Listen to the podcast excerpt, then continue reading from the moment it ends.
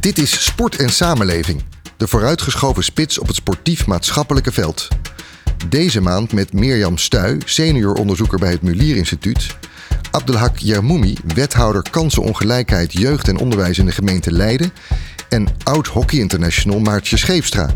Zij is verenigingsmanager bij Amsterdam Dynamics, een hockeyclub in Amsterdam Zuidoost.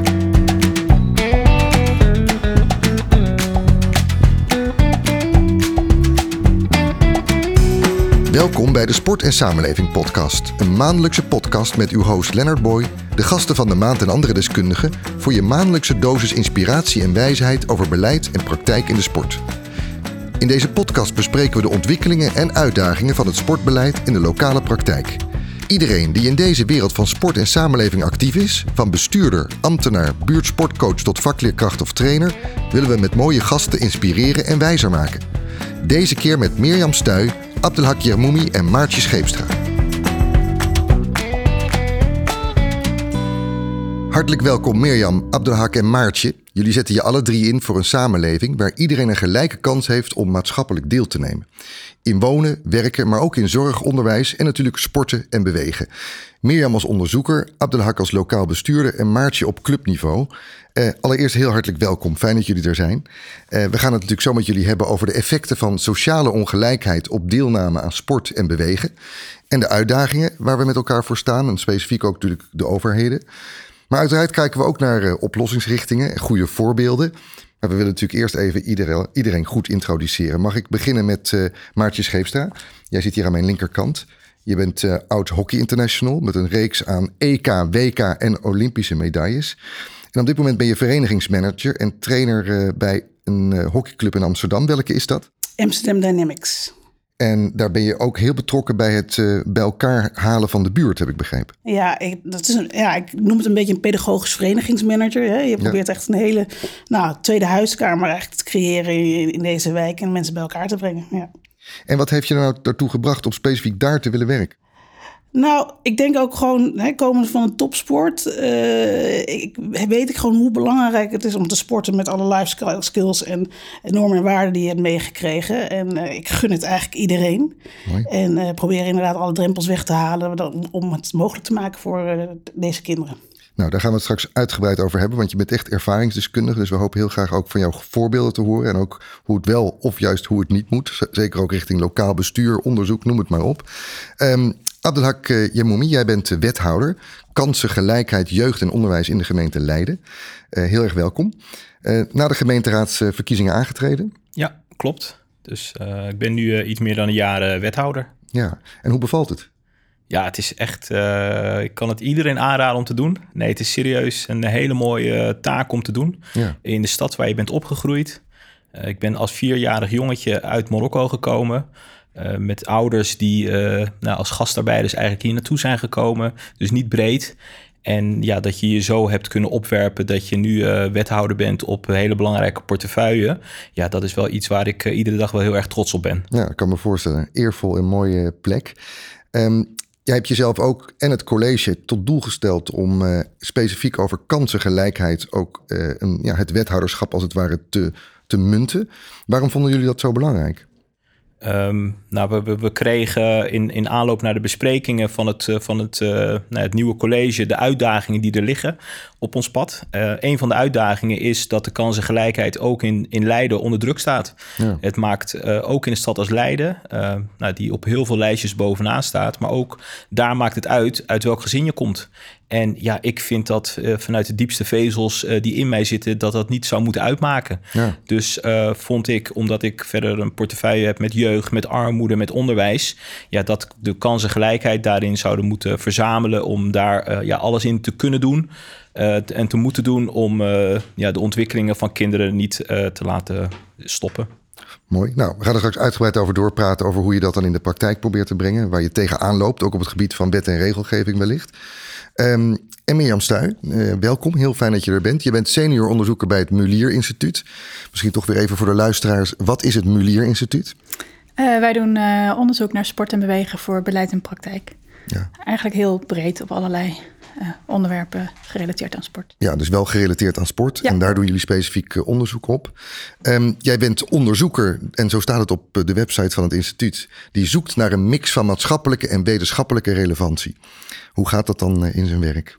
Hoe dat in zijn werk gaat. Ja, de wetenschappelijke ehm, relevantie zit hem vooral in het, in het kunnen verantwoorden van het onderzoek dat ik doe.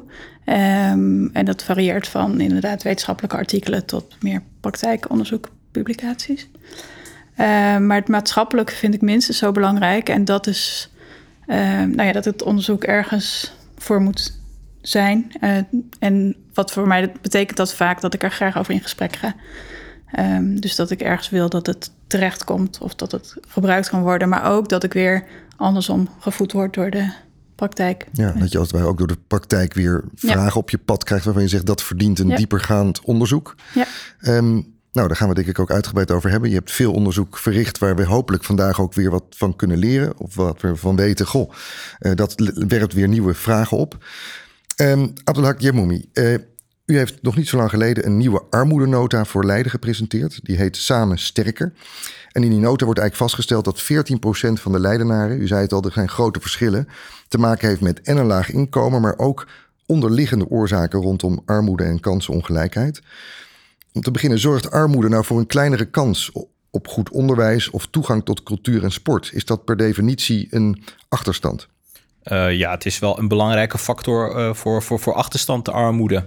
Hè? Dus uh, wat we net zeiden, ja, het, het, maakt inderdaad uit of jij de mogelijkheden hebt om aan sport of cultuur, aan bewegen mee te doen. er zijn ook onderzoeken dat, dat die laten zien dat armoede ook effect heeft natuurlijk op je gezondheid. En nou ja, dat je bijvoorbeeld als kind, als je opgroeit in een arm gezin, uh, dat dat effect heeft op, jou, op, jouw latere, op jouw latere ontwikkeling. Als jij uh, als kind, nou, bij wijze van spreken, zonder ontbijt naar school gaat, heeft dat effect op jouw concentratie. Uh, die concentratie, als die niet goed is, heeft dat effect op jouw schoolprestaties. En uiteindelijk op de latere kansen die je hebt om goed vervolgonderwijs te doen. En dus weer misschien een mooie, goede betaalde baan te krijgen. Dus armoede is denk ik een hele belangrijke factor daarbij. Zit eigenlijk een hele keten in gang van kansen of juist ongelijkheden. Ja, zeker. Ja. Dus, en dat is uh, wat we met dit beleidsplan ook proberen te voorkomen, is echt die armoede die door wordt gegeven van generatie op generatie op een gegeven moment te doorbreken. Ja. Hè? En dat betekent dat uh, ja, de talenten die je hebt, het mag niet uitmaken ja, dat, dat armoede of te weinig geld dan zorgt dat je dat uh, niet kunt krijgen. Nou, en ik, ik put gewoon uit heel veel persoonlijk, persoonlijke kennis, omdat wij ook in onze tijd, ja, heb je ook een juffrouw nodig, een juffrouw Anneke nodig, of een buurvrouw of een buurman die jou meeneemt, misschien voetbalschoenen voor je koopt. En dat heeft mij op zich altijd ook wel heel ja, geïntrigeerd om, om daarmee aan de slag te gaan. Ja, dus aan de ene kant zijn het toch de mensen die het verschil maken. Wat kun je dan als politiek doen?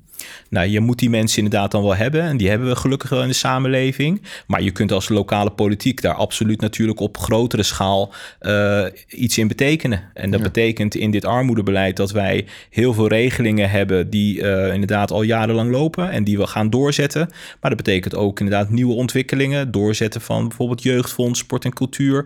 Of het volwassenfonds, zodat volwassenen met een laag inkomen kunnen sporten. Uh, het jeugdeducatiefonds, zodat scholen aan aanspraak kunnen maken op hulp. Om maar te zorgen dat we ja, ongelijk investeren daar waar het nodig is. Om die gelijke kansen te krijgen. En, en beschouwt u nu het feit dat het begrip bestaanszekerheid opeens overal rondzinkt in de komende campagnes als een steuntje in de rug? Ja, gigantisch. Gigantisch. Uh, nou, ik, ik, ben natuurlijk van de Partij van de Arbeid. En voor ons was het eigenlijk vanzelfsprekend dat bestaanszekerheid voor ons altijd wel het eerste thema is. Ja, en ik vind het heel mooi dat, dat ook andere partijen dit thema omarmen. Dus in die zin uh, ja, hoop ik echt dat, dat de, de, het landelijke overheid de komende jaren bestaanszekerheid hoog op de agenda blijft houden. Want we hebben de afgelopen jaren gezien dat er wel is geïnvesteerd in die bestaanszekerheid en armoede, maar wel met uh, incidentele middelen, incidenteel geld. Ja. Hè, wat dus in Tijdelijk, principe stopt. af en toe weer een potje, een fonds, Af en toe een weer een potje, af Ja. en toe weer inderdaad een mogelijkheid. Maar op de lange termijn wil je inderdaad die armoede, ja, dan moet dat echt wel structureel worden. En dat is wel waar de gemeentes tegen, tegenaan botsen. Ja.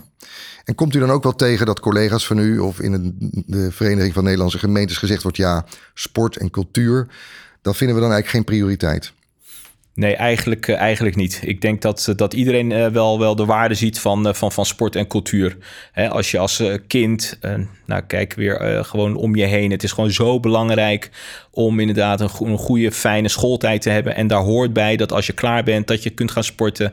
Dat je cultuur kunt gaan hebben, dat je kunt gaan bewegen. Het zorgt voor die gezondheid. Dus dat is heel belangrijk voor de ontwikkeling van die kinderen. Mooi. En Maartje Scheepstra, herkenbaar als je de combinatie schetst uh, rondom armoede, wat eigenlijk het vertrekpunt is. Ja. Uh, en hoe dat doorwerkt in eigenlijk ieders leven. En wat het verschil zou kunnen uitmaken als je een goede regeling hebt die structureel ingrijpt in het leven van mensen, ook op het gebied van sport en cultuur? Ja, laten we eerlijk zijn. Je kiest eerder voor een goede winterjas dan voor een lidmaatschap van een bepaalde club hè? Ja.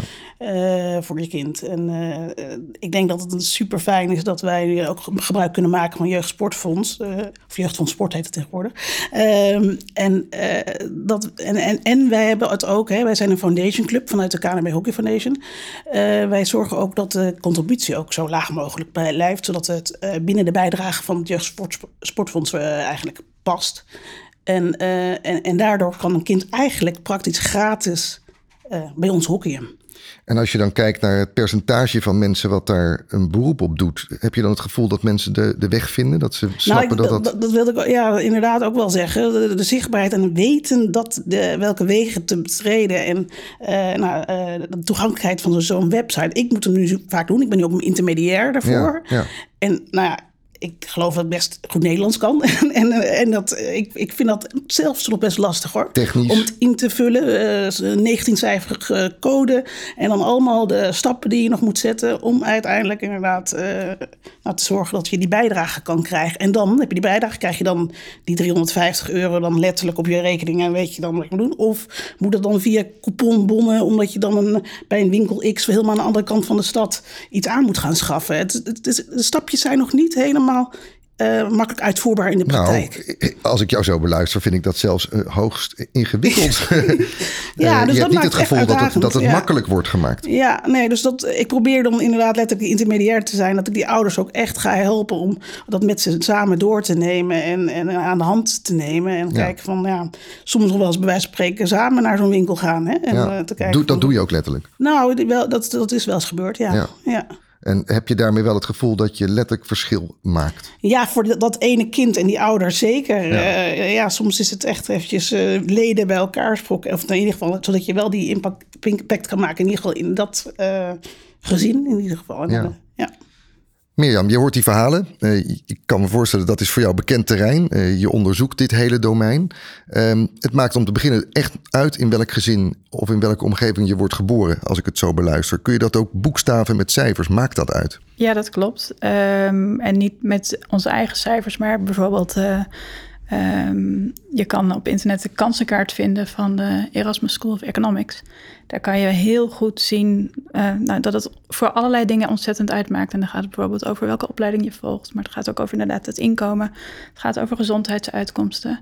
Uh, maakt het echt wel verschil waar je geboren wordt. Ja, dat is denk ik allereerst belangrijk dat we dat ons goed realiseren. Um, want het kan eigenlijk heel bepalend zijn voor alle mogelijkheden. Het werd al even geschetst die je de rest van je leven ja. uh, kunt creëren, kunt krijgen, je gezondheid. Um, je hebt samen met collega's van het Mulier Instituut in opdracht van Zon en W een uh, groot onderzoek gedaan rondom kennis en innovatie over ja, waarom het zo moeilijk is dit probleem op te lossen. En jullie noemen dat dan een wicked problem, een venijnig probleem. Waarom is het zo lastig? Ja, wat een venijnig probleem eigenlijk is, is dat het uh, niet goed duidelijk is wat is nou het probleem en wat is nou de oplossing. Dat loopt in elkaar door. Mm -hmm. uh, er zijn vaak ook heel veel verschillende partijen bij betrokken, met elk hun eigen belangen, waarden, maar ook ideeën over oplossingen. Um, ik denk dat, dat dat zijn belangrijke kenmerken van een uh, wicked problem, problem. En als het nou gaat over sport en bewegen, dus dat mensen minder sport en bewegen, is dat hier nu het probleem? Of is dat meer een symptoom van veel, veel, heel veel meer? En uh, nou ja, ook de vraag hoe kan meer sport en bewegen onderdeel zijn van een oplossing en van welke oplossing dan? Ja, dus dan ga je eigenlijk als onderzoeker, kan ik me voorstellen, ook aan de slag met het bijna afpellen van zo'n ingewikkeld probleem, van zo'n wicked problem.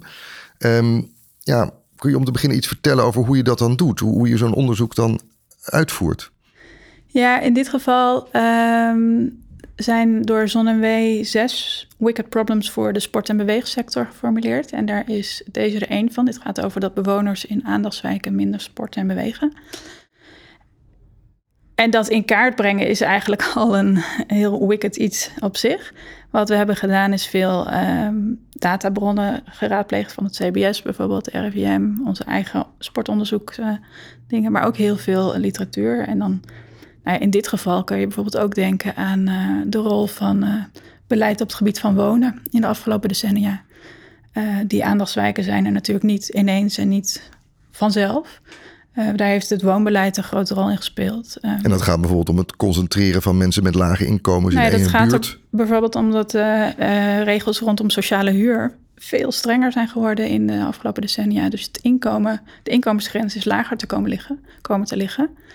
En dat betekent dus weer dat vooral de mensen met de laagste inkomens recht hebben op sociale huur of in een sociale huurwoningen terechtkomen.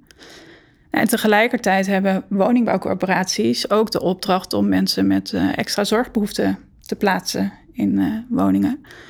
Um, dus zo krijg je wel wijken waarin veel mensen bij elkaar wonen met een laag inkomen, laag opleidingsniveau, maar ook gezondheidsproblemen en veel meer uh, behoeften. En zeg je daarmee ook, als je dan zo'n, ik zeg het maar even in mijn woorden, zo'n wijk hebt gecreëerd in de loop van jaren door dat specifieke beleid, dan zijn er misschien ook wel minder mensen die elkaar goed kunnen helpen. Nou, het is natuurlijk niet, het is niet een, iets wat de bedoeling is geweest. Dit is, ja, het is niet, het is ook niet dat één iemand hiervoor verantwoordelijk is of dat dat uh, duidelijk is um, toe te wijzen aan iets of iemand. Um, maar wat je bijvoorbeeld ook ziet, is dat er in, in wijken dan vaak minder voorzieningen zijn.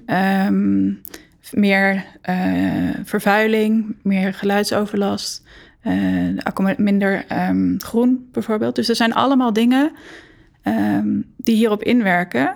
Ja, en dan nogmaals, de relatie met sport en bewegen is ook gewoon best een lastige om nou te zeggen waar dat door komt. Dus minder sport en bewegen. Ja, nou daar zoomen we straks nog wat uitgebreider uh, op in.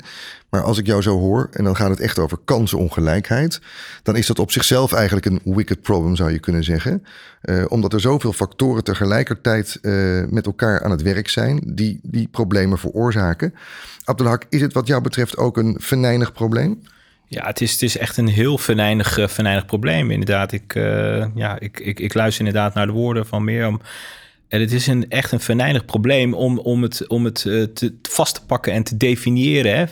Hè. Ja, als we één oplossing zouden hebben, dan, dan zouden we die met z'n allen zouden die direct pakken.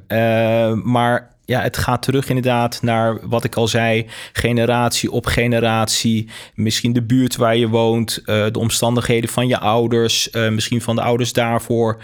Uh, dus daarom is het een heel venijnig probleem. Je hebt er zoveel verschillende partijen bij nodig om te zorgen dat inderdaad ja, die kansengelijkheid toeneemt. Ja, en ik hoor toch ook wel dat we er de afgelopen 30 jaar in ieder geval niet in geslaagd zijn om het de goede kant op te ontwikkelen. Door mensen juist meer geconcentreerd in een wijk te plaatsen.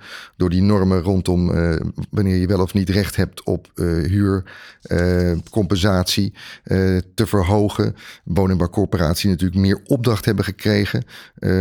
Grotere maatschappelijke uitdagingen. Het grijpt allemaal nog verder op elkaar in, zou je kunnen zeggen. Ja, het, grijpt inderdaad op, op elkaar in. Hè? Het, het woonbeleid, nou, dat, dat verandert ook constant. Inderdaad, hè? misschien was het in de jaren dat mijn ouders hierheen kwamen... de gedachte van, hey, die mensen die, die, die vanuit die andere landen bijvoorbeeld zijn gekomen... die zouden wel heel graag bij elkaar willen wonen. Nou, een beetje van die gedachte is, is, is het woonbeleid ook inmiddels af. Hè? Je wil graag gemixte wijken hebben... waar kinderen en waar mensen met elkaar veel meer in contact komen... Uh, je probeert nu ook inderdaad te kijken van hè, hoe je een goede mix kunt krijgen in woningbouw. Want dat zorgt er ook weer voor dat de voorzieningen op, op orde zijn. Uh, nou, zo probeer je dat inderdaad aan te pakken. Nou, als ik dan concreet over een stad als Leiden uh, heb, zijn wij in ieder geval, ja, we zijn de tweede uh, dichtstbevolkte stad van Nederland. Hè, dus we hebben heel veel vierkante meters, maar die heel erg intensief worden gebruikt. Gelukkig hebben wij wel veel sportparken die ja, niet aan de randen van de stad zitten, maar ook echt in de stad. We hebben heel veel speelplekken. Nou, in 2021 waren we de meest speelvriendelijke gemeente met, met honderden speelplekken. We hebben speeltuinen. Dus zo kan je ook ervoor zorgen dat in ieder geval ook die openbare ruimte zo wordt ingericht dat mensen in ieder geval ook of in georganiseerd of ongeorganiseerd verband uh, kunnen, kunnen spelen en bewegen. Het is wel mooi wat je beschrijft, want eigenlijk moeten we dus vanuit allerlei lagen, eerst met een helikopterview zou je kunnen zeggen, gewoon naar zo'n stad of zo'n stedelijke uh, ontwikkeling kijken. Hoe bouw je eigenlijk? Hoe plan je daarin sport uh, en, en groenvoorzieningen? Uh, hoe kijk je naar de logistiek in zo'n wijk? En als je dan weer inzoomt, wie wonen er eigenlijk naast elkaar in een straat? Wie zouden er elkaar een beetje kunnen helpen? is er zoiets als een onderliggende structuur van hulp en fondsen? wat voor beleid zit er eigenlijk achter rondom nou, huur, bescherming, wonen? En dat is natuurlijk waarom jij het uiteindelijk weer als een wicked problem aantreft. Omdat er zoveel verschillende laagjes en zoveel verschillende elementen in elkaar grijpen. Die niet inderdaad, zoals je zegt, één makkelijke oplossing eh, voor het uh, grijpen heeft doen liggen. Laten we eens wat verder met elkaar inzoomen op die kansenongelijkheid in sport en bewegen als zodanig. Um, ja, laat ik eerst even toch um, aan Maartje vragen. Um, als je nu specifiek naar, naar, naar, naar sport en bewegen kijkt in, in jouw wijk waar jij voor verantwoordelijk bent, hoe kijk je dan bijvoorbeeld naar de voorzieningen die daar ontwikkeld zijn? Nou, onze club ligt op dit moment in een, echt een mooie park, het Belmer Sportpark. Of Nelson Mandela Park wordt het ook genoemd. Ja. Uh, daar is ontzettend veel. Uh, er is een atletiekbaan, er zijn voetbalvelden, nu dus een hockeyveld. Uh, maar wat ik wel gewoon merk in deze, in deze wijk is dat het sporten vooral gekoppeld is aan school. Zo, hè? Mm. Uh, daar wordt er gesport. En zodra die stap nog weer een extra naar, uh, naar buitenschools, moet ik eigenlijk zeggen. Hè? Uh, dan denken mensen gaan alarmbellen rinkelen. Want dan is ineens de, oh, dat moet betaald worden. Oh, logistiek. hoe, hoe komt mijn kind hier naartoe? Ik moet zelf op de onmogelijke uren werken. Ik kan mijn kind er niet naar brengen. En en dus ook minder kijken. En daardoor is de, sportpart of de oude participatie ook wel echt wat lager uh, ligt hierdoor. En eigenlijk wat iedereen eigenlijk al schetst hier, is dat als je het niet van je ouders ingegeven krijgt, als, omdat je ouders niet al elke dag langs de lijnen staan of zelf hebben gespeeld en dan als kind word je daarin meegenomen, dan, ga, dan wordt het toch minder, beklijft dat ook in je, in je eigen uh, lijf en ga, en ga je dat ook minder snel ja, doen. Ja, je hebt het voorbeeld minder, minder voorhanden. Precies, ja. Maar je, wat je eigenlijk ook wel beschrijft, als ik het even in mijn woorden vertaal, is een soort van uh, vraagstuk van sociale stress. Hè? Ja. Als jij met verschillende banen zit, als je hard en veel moet werken, is het ook nog eens logistiek en financieel een enorme barrière om je kind uh, daar specifiek voor naar de sport te kunnen brengen. Ja, en ik denk, dat, ik denk dus niet eens dat geld het uh, ding is. Ik denk dat dit een groter probleem is. Het hm. kunnen plannen. Ja. Ik ben ook lid van een andere hockeyclub uh, die wat groter is in Amsterdam. En dan zie je gewoon hoe makkelijker hè, ouders elke zaterdag naar een kind komen kijken, kunnen fluiten, kunnen uh, bardiensten draaien, kunnen rijden. Uh, die regelen het wel. Ja, die, die, hebben, sociaal meeste, kapitaal, die hebben banen, en die ja. kunnen het regelen. Gewoon, ik, nou, dan wil ik vrij hebben, ik werk dan even hard en dan ga ik dan, uh, kan ik dan vrij krijgen. En dat is gewoon hier echt lastiger. Nou, dat lijkt mij een mooi opstapje. Ook omdat het zo'n mooi verschil laat zien, denk ik, in dit voorbeeld, Mirjam. Um, over hoe je dan eigenlijk als onderzoeker naar die verschillen kijkt. En hoe je dat op een goede manier in kaart probeert te brengen. En dan natuurlijk vervolgens ook iets van handreikingen probeert te doen. Om er in de praktijk wat aan te veranderen. Um, ja, misschien moet je eerst eens uitleggen hoe je sociale ongelijkheid en ongelijkheid in sport en beweegdeelname uh, zou schetsen. En hoe dat met elkaar samenhangt. Ja. Ja, sociale ongelijkheid gaat over, um, over verschillen tussen mensen, maar dan eigenlijk vooral de, de verschillen in kansen die daaruit voortkomen. Dus het gaat niet over een, een ander uh, opleiding hebben gevolgd, maar het gaat over wat die andere opleiding in onze samenleving betekent. Dus bijvoorbeeld meer of minder inkomen met zich meebrengen. Dus mensen met een uh, hoger opleidingsniveau verdienen gemiddeld de, meer dan dubbel zoveel mensen met een lager opleidingsniveau. Uh, maar ook verschillen in gezondheidsuitkomsten. Dus het gaat niet zozeer om verschillen tussen mensen, maar over wat dat in onze samenleving uh, betekent. En zie jij dan ook in jouw onderzoek de verschillen die we net hier al even benoemden? Dat mensen bijvoorbeeld met een lagere opleiding, uh, met verschillende baantjes die aan elkaar geknoopt worden, kampen met sociale stress, niet de vrijheid hebben om hun leven eigenlijk helemaal zelf vorm te geven, de ruimte hebben om te kunnen plannen, of zelfs zo'n bardienst op zaterdag zonder problemen te kunnen draaien. Ja, zeker. Uh, ik doe veel kwalitatief onderzoek, dus gesprekken, groepsgesprekken, meekijken, meelopen in de praktijk. En daar komt dat zeker in terug. Dus we hebben bijvoorbeeld uh, vorig jaar onderzoek gedaan onder gezinnen die geldzorgen hebben. Um, en daar zit het zeker in, dus geld speelt een rol. Uh, we zien bijvoorbeeld dus ook dat zoiets als een jeugdfonds helpt. Ehm, maar er zijn ook gezinnen die daar net geen recht op hebben. Nou, die hebben het financieel dan nog veel lastiger om te regelen dat hun kinderen wel sporten, kunnen sporten. Maar het gaat inderdaad ook over de organisatie eromheen. Ehm, als je een alleenstaande moeder hebt met meerdere kinderen, ja, dan moet je het wel kunnen regelen dat je je ene kind naar de sport brengt en je andere kind meeneemt, opvang hebt, iets anders. Maar dus het, is, het is veel meer dan alleen het geld. Dat is wel uh, zeker wat wij ja, zien. Eigenlijk dus ook de, zou je kunnen zeggen, sociale kracht om bijvoorbeeld dan die buurman of buurvrouw mee te helpen inschakelen. Of met een aantal moeders of uh, vaders samen iets te regelen. Ja. En dat is dan blijkbaar toch een grotere barrière. Ja, is het. Uh, ik, dit is niet alleen een barrière. We hadden het net ook inderdaad over wat je uh, gewend bent of zelf van huis uit mee hebt gekregen. Um, ik denk de verschillen die Maartje net schetste over de twee hockeyclubs. Uh, bij de andere clubs zijn, willen ouders dit ook voor hun kind, dat een kind gaat hockeyen, want dat levert ook weer veel meer op aan netwerk. Aan, dus het is niet alleen het wekelijks daar sporten, het is meer dan dat. Dus, dus zo zit het, is veel meer dan alleen de barrière van. Um, uh, maar alleen al zeg, zeg jij het daar bewust van zijn wat het je kind kan geven, wat het je, op, wat het je oplevert, ook qua maatschappelijke toegang. Dat vraagt natuurlijk ook wel een bepaald soort ja, inzicht dat, dat niet iedereen zomaar heeft. Nee. En wat, wat wel echt gerelateerd is aan, uh, aan sociale klassen, ook in Nederland, denk ja. ik. En dan hebben we het natuurlijk ook wel over de vraag: is er nou een samenhang tussen die klassen, die sociaal-economische ongelijkheid, en gezondheid en levensverwachting? Zeker. Is dat gewoon direct aangetoond? Ja. Uh, zeker. Dus, de, dus de, um, dat zijn cijfers van het CBS, maar even uit mijn hoofd. Um, zijn er grote verschillen naar welvaart van mensen. Dus de mensen met de meeste welvaart leven, ik heb de cijfer niet precies, maar negen, de mannen leven negen jaar langer en 25 jaar langer in goede gezondheid. Iets in die. Um, ja, in die categorie. In dat is al categorie. een heel fors verschil natuurlijk. Dat is echt een enorm verschil ja. in een land als Nederland. Nou ja, kortom, we hebben denk ik nu een beetje scherper. Er zijn dus echt enorme verschillen vanuit die sociale klassen die niet alleen maar gaan over geld, maar die gaan over gezondheid, die gaan over toegang eh, tot voorzieningen, toegang tot toekomst, kansen en alles wat er vervolgens mee samenhangt om een succesvol en fijn leven te leiden. Um, ik kan me nu nog beter voorstellen, Abdehak, waarom jij zegt: ik ben tot in elke vezel gemotiveerd uh, om dit te veranderen. Ja, nou ja, absoluut. Um, um, toen wij uh, bezig waren met het, met het, nieuwe armoedebeleidsplan, kreeg ik ook een stuk voor mij, een artikel.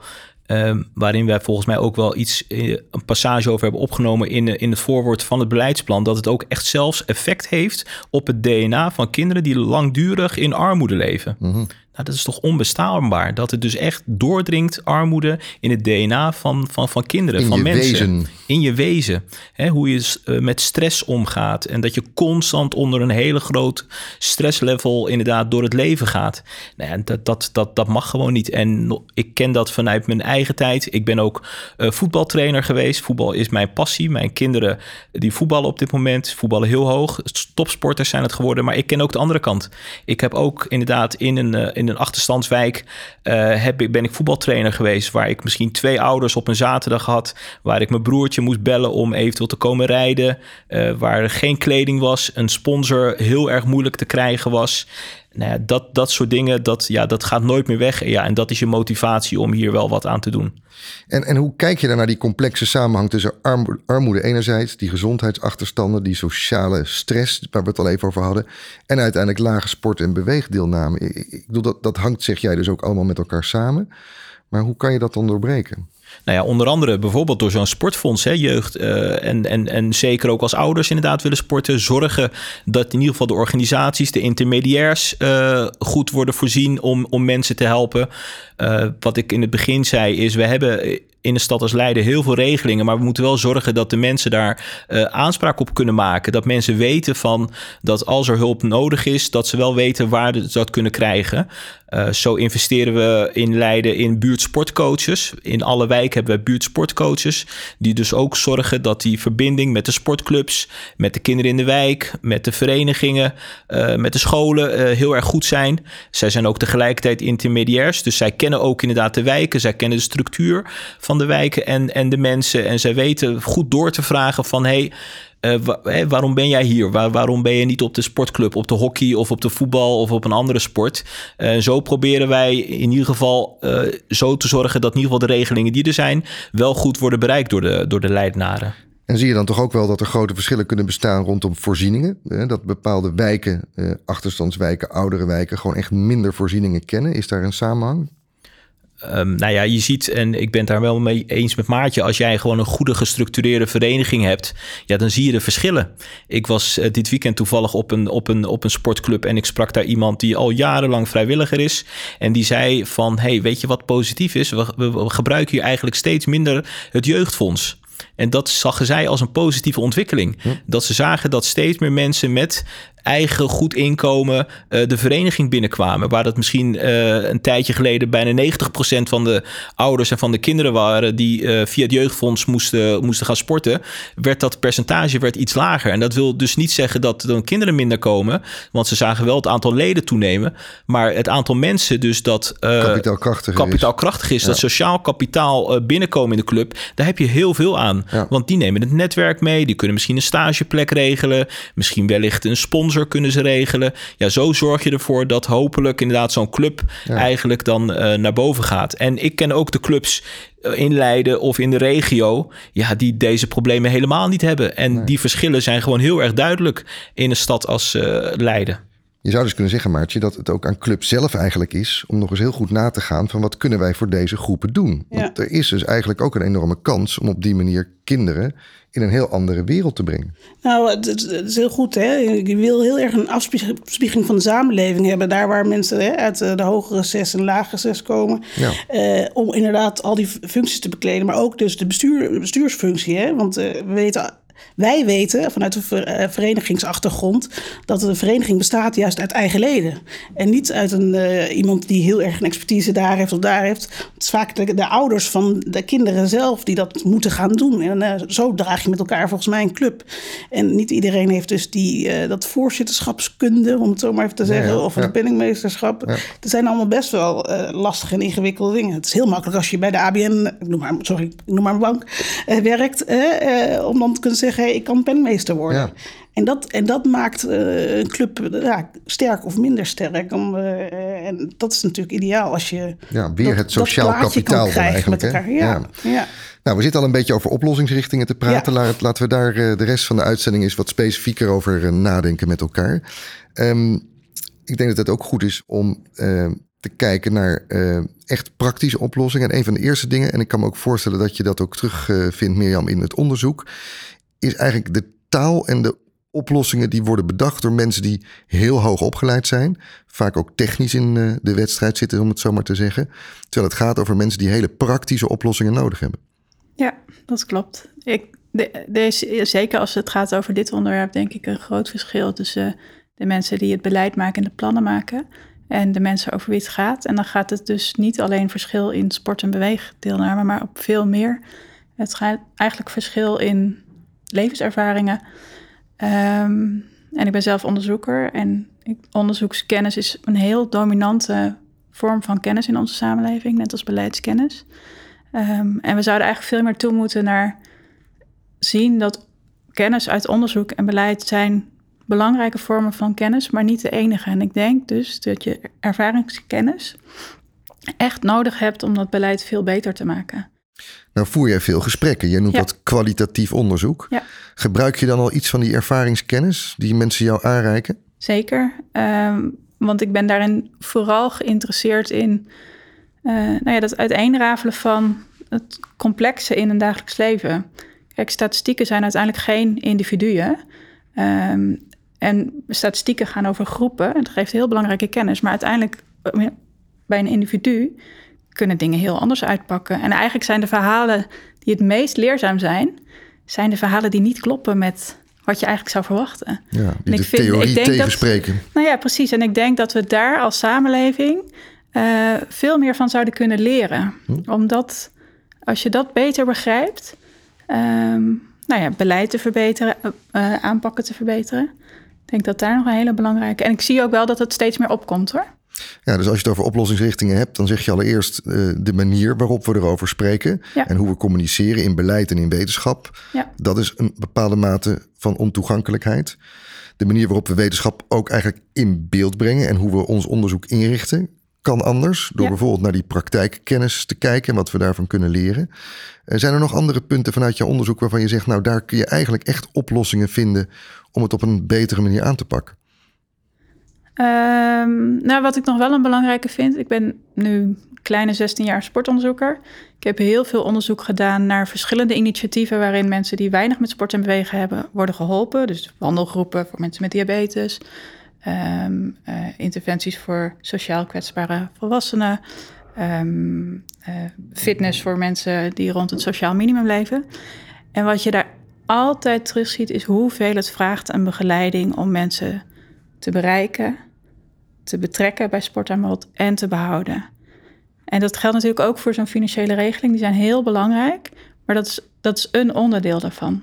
Dus de begeleiding die het vraagt om te zeggen... hey, ben je de volgende week weer? Ehm, oh, en je was er vorige week niet. Eh, gaat het goed met je?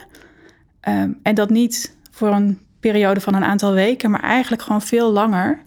Volhouden. Ja, volhouden. Maar ook daar dus dan wel, als je dat wil, dan moet je daar gewoon echt in investeren. En moet je dat ook zien dat het dat kost. En dat staat natuurlijk haaks op eh, wat Abdelhakko even aan het begin van het gesprek zei. Dat veel dingen natuurlijk vaak tijdelijke regelingen zijn. Kort gefinancierd. Ja, Dus dit is ook een belangrijk. Als je een oplossing zoekt, hou het vol. Zet het Ja. voor een lange tijd in. Dat geldt ook voor heel veel projecten die we hebben gehad eh, om sport- en beweegdeelname op te krikken. Dat gaat, zijn echt vaak projecten voor aantal weken, aantal maanden, aantal jaar. Ja.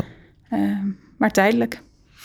Abdelhak, een ander punt wat we denk ik al eerder een beetje aanraakten, maar wat natuurlijk heel specifiek is, is dat het natuurlijk vraagt om samenwerking met allerlei andere domeinen. Als je het specifiek over sport en bewegen hebt. Ja. Ruimtelijke ordening, we hoorden het net al even, de manier waarop een wijk gebouwd en ingericht wordt.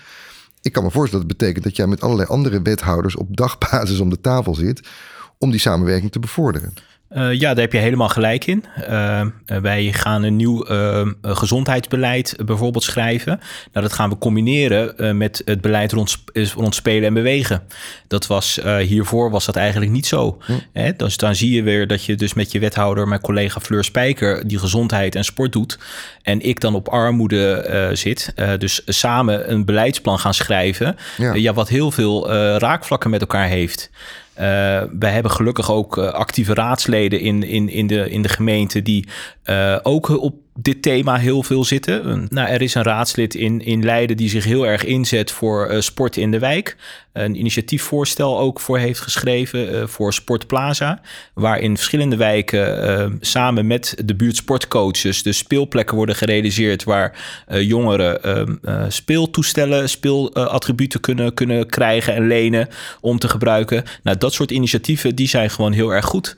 Ehm, wat we ook bij het armoedebeleid Ik hebben beluister eigenlijk gewoon ouderwets buurtwerk. Ouderwets buurtwerk. Echt inderdaad dat wijkgericht werken. Zorgen dat je weet wat, wat er nodig is in een bepaalde buurt. Ik denk dat dat eh, inderdaad heel erg belangrijk is. En de, de taal en gebruik ook vooral de ervaringsdeskundigheid. Bij het armoedebeleid hebben we heel veel geïnvesteerd in eh, bijvoorbeeld eh, de mensen die het betreft proberen te bereiken. is heel erg moeilijk, heel erg lastig. Er is heel veel schaamte en, om over dit thema te praten. Maar desalniettemin hebben we samen met organisaties wel een avond georganiseerd. En echt onze plannen tegen en aangehouden. Wat vinden jullie daarvan? En ja, daar leer je dus inderdaad heel veel van. En dat de taal en hoe je mensen aanspreekt heel erg belangrijk is om te zorgen dat iets succesvol is. Ik denk ook dat de key echt heel is, is die persoonlijke aanpak. En dat je weet dat Jan dat buurt, sportbuurtcoach is. En dat is het vaste gezicht voor iedereen. Ja. En voor het kind en voor Jan wil je terugkomen. Niet eens voor die sport specifiek, maar voor Jan. En dat is denk ik eh, echt wel super belangrijk, zo'n eh, Want persoon. dan ook even terug naar jouw kennis en ervaring, die je inmiddels natuurlijk in eh, de Belmer hebt opgedaan. Eh er komen ook bij jou, denk, kan ik me voorstellen, heel veel mensen die aankloppen. Kun je ze dan op een goede manier doorverwijzen? Is het voor jou mogelijk om inderdaad ook die verschillende domeinen die met elkaar moeten samenwerken goed samen te brengen? Hoe, hoe werkt dat bij jou in de praktijk? Nou, wat ik we hebben altijd, ik heb een beetje een haat-liefde verhouding met de gemeente en met de stadsdeel uh, ja. de, hele. Omdat je soms denkt dat je bij iemand kan zijn voor dit en dan word ik weer doorgestuurd naar dat. En dat, dat blijft altijd wel een lastige. Of die een heeft een, een andere functie gekregen. Dus dat, dat, dat is vaak echt wel een uitdaging. En dan mis ik toch echt een beetje de lange termijnvisie ook hierin. En hoe kunnen we, het heeft gewoon een lange weg van een lange adem nodig. Dat volhouden. Ja. En dat is, en wat je zegt ook nabellen. Ik ben het hele jaar door aan nabellen waarom Jantje, zeg weer Jantje, maar uh, niet komt. Ja. Waar ben je en waarom ben je er niet? En uh, ik maak me zorgen, uh, kan ik wat voor je doen? dat vraagt dus uiteindelijk ook de inzet van heel veel mensen. Ik kan me ook voorstellen dat je veel met vrijwilligers werkt. Of is dat ook heel moeilijk? Lastig, ja. ja want dat wordt wel vaak als een oplossing gezien. Hè? Dus op dit moment nog even eenmansjob. Mm -hmm. dat ligt veel op mijn schouders. Maar ik ben naars op, zoek. Oké, nou even een tussenstand. Ik hoor jullie allemaal zeggen, we moeten het veel meer over de voortdurende lange termijn hebben. Het gaat echt om een langdurende investering, waardoor het ook mogelijk wordt om mensen die in de praktijk consequent aan te stellen en het gezicht en het aanspreekpunt kunnen vormen en specifiek ook langdurende activiteiten in die buurten en wijken kunnen volhouden op het gebied van sport en beweging en aanpalend eigenlijk continu met de alle andere domeinen in gesprek te zijn om dat samen vorm te geven. Dat is eigenlijk wat ik jullie allemaal ja. hoor zeggen. Dat wordt vanuit de wetenschap ondersteund. Dat probeer je in Leiden te doen. Dat is ook jouw praktijk in de Belmer. Um, als je dan een aantal andere oplossingen voor de komende tijd daarbovenop zou willen leggen, waar we behoefte aan hebben, wat jullie zouden wensen, waar hebben we het dan over? Wat is er nog extra nodig waarvoor jullie denken dat dat venijnige, wicked probleem mede kan worden opgelost? Of in ieder geval een goede stap in kan worden gezet. Zullen we proberen een rondje te maken? Mag ik dan met de wetenschapper in ons midden beginnen? Ja, ik denk dat een belangrijke is uh, ook werken aan het vertrouwen. Uh, en dan het vertrouwen van bewoners, inwoners, burgers, dat de overheid er voor hen is. Ja, dat is ook een actueel thema in. Een heel actueel thema, maar wat natuurlijk al heel lang speelt. Waarbij ook beleid veel vanuit wantrouwen is. Uh, zeker als het gaat over bijvoorbeeld de, de bijstand of de sociale voorzieningen. Uh, dat je moet bewijzen dat je er recht op hebt en er geen misbruik van maakt. Ja. Um, Maakt mensen dat, dat, ook weer schuw om bijvoorbeeld andere fondsen of andere zaken aan te vragen? Nou, ik denk om hulp te vragen, maar ook het vertrouwen te hebben dat die hulp dus oprecht is om jou te helpen om nou ja, sport voor je kind te organiseren. Dat is een voorbeeld, maar ik denk dat dat een hele belangrijke is. Ja. En als het gaat om de toegankelijkheid bijvoorbeeld van sportverenigingen, zouden die zelf daar ook nog meer aan kunnen doen? Zouden die ook zichzelf nog wat meer open kunnen stellen? Ja, ik vind het lastig om dat over alle sportverenigingen te zeggen. Maar wat we uh, wel bijvoorbeeld zien, is dat uh, sportverenigingen ook erg verschillen in bijvoorbeeld hoe, hoe goed ze hun bestuur op orde hebben. En dat ligt aan de leden die ze hebben, die, die de kennis hebben. Ook, ook het besturen van sportverenigingen is complexer geworden over de ja, afgelopen Dat vraagt ook lange adem. We hebben daar recent een onderzoek naar gedaan en er werd heel veel gezegd: het gaat niet meer op de achterkant van een sigarenkistje momenteel. Maar je hebt gewoon echt uh, financiële complexe kennis nodig. En ook voorzitter zijn is. Uh, uh, ja, daar kan je een hele week aan besteden als je dat zou willen. Maar dat betekent dus ook dat je het als vereniging moet je die mensen hebben om dat te kunnen organiseren. Dus zo zie je ook, ja, je ziet ook in dat opzicht ongelijkheid bij verenigingen, zou je kunnen zeggen. Uh, ik denk dat dat een belangrijk punt van aandacht is. Ja. Nou ja, je zou dus kunnen zeggen dingen uh, in ieder geval simpeler en toegankelijker maken. Ja. Dat is één ding. Het wantrouwen wegnemen is belangrijk. Ja. De wethouder, nog andere belangrijke aanbevelingen of oplossingsrichtingen als we het over dit uh, ingewikkelde probleem hebben? Nou, het, het, het maakt uh, uh, nu lokaal uit welke, welke, welke interventies je neemt.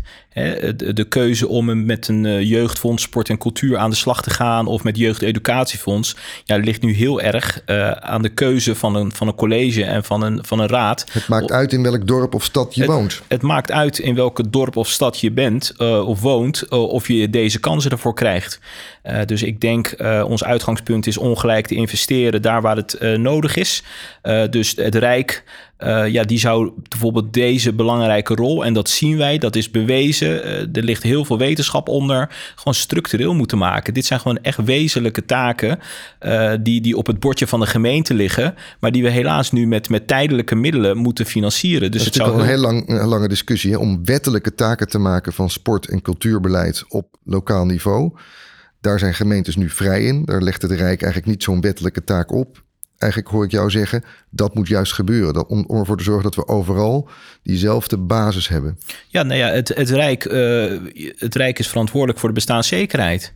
Dus uh, dat betekent dat dat inderdaad ook een onderdeel ervan is. Dus het zou fijn zijn als de gemeenten dan ook in staat worden gesteld om dit soort initiatieven wel structureel te maken. En dat het niet zou moeten uitmaken welke politieke kleur op een gegeven moment inderdaad in een bepaalde uh, stad uh, de, de, het college vormt. Of je wel of niet die mogelijkheden biedt. Ja. gelukkig doen wij dat in Leiden. Maar ik, ik zou wel heel graag willen dat dat gewoon door wordt gezet. Want het zou jammer zijn als je dit na enkele jaren weer zou moeten stoppen. Omdat je de keuze moet maken van nou gaan we kiezen voor een nieuwe weg? Of gaan we kiezen of voor een fonds om kinderen en uh, volwassenen aan het bewegen te krijgen? Ja, nou, een heel heldere oplossingsrichting. Uh, namelijk ook hier geldt dan vol kunnen houden betekent steun van het Rijk. En structurele steun op dat gebied, die voor elke gemeente daardoor inzetbaar is. Klopt. Nou, helder. Um, Maartje, heb jij nog een paar interessante oplossingsrichtingen waarvan je zegt, nou, daar zouden we de komende tijd nog eens wat meer aan moeten doen? Dan, dan ga ik letterlijk voor een praktijkvoorbeeld. En dat is gewoon waar ik in het begin al over had. Die tweede huiskamer kunnen creëren. En daar heb je dus een clubhuis voor nodig. En uh, waar je bij elkaar kan komen. Waarbij je bijles kan geven. Hè? Dat ze de combinatie echt kunnen maken tussen bij, bijles en de sport. En dat ze daarna nog even lekker met elkaar kunnen eten. Wij, hebben, wij organiseren bijvoorbeeld maandelijks een Foodie Friday. Waar de ene keer halal wordt gegeten, de andere keer rotti, de andere keer uh, Hollandse pot. Uh, om mensen echt bij elkaar te brengen. En dat ze niet alleen maar per se voor de sport komen. En dan, maar stiekem dus ook kunnen gaan sporten. Ja, ik hoor jou zeggen, dan creëer je daarmee dus echt een buurtgevoel. Waar je gezien wordt, waar je naartoe wil gaan. En waardoor een netwerk ook... kan maken. Uh, en als je dan die, die afspiegeling van samenleving hebt, dan heb je ook gewoon mensen van verschillende afkomsten. En leer je elkaar kennen. Uh, en, en, en, en, en word je ook beter van elkaar en met elkaar. Dan, in, dan ja, inspireer je elkaar, denk ik. Ik vind het toch fascinerend dat je dit voorbeeld geeft. Overigens, het lijkt mij echt een heel logisch voorbeeld. Maar ik hoor het ook best wel lang. Hè, dat, dat mensen al lang eigenlijk zeggen: ja, dat is eigenlijk de oplossing. Maar dan moet je dus sommen geld bij elkaar brengen uit verschillende potjes, namelijk onderwijs, welzijn, et cetera. En dat lukt blijkbaar dus toch heel moeilijk. Waarom slagen we daar niet in? Ik weet niet, als ik het wist, dan, uh, dan hadden we het al opgelost. Maar um, ik denk dat het toch gewoon.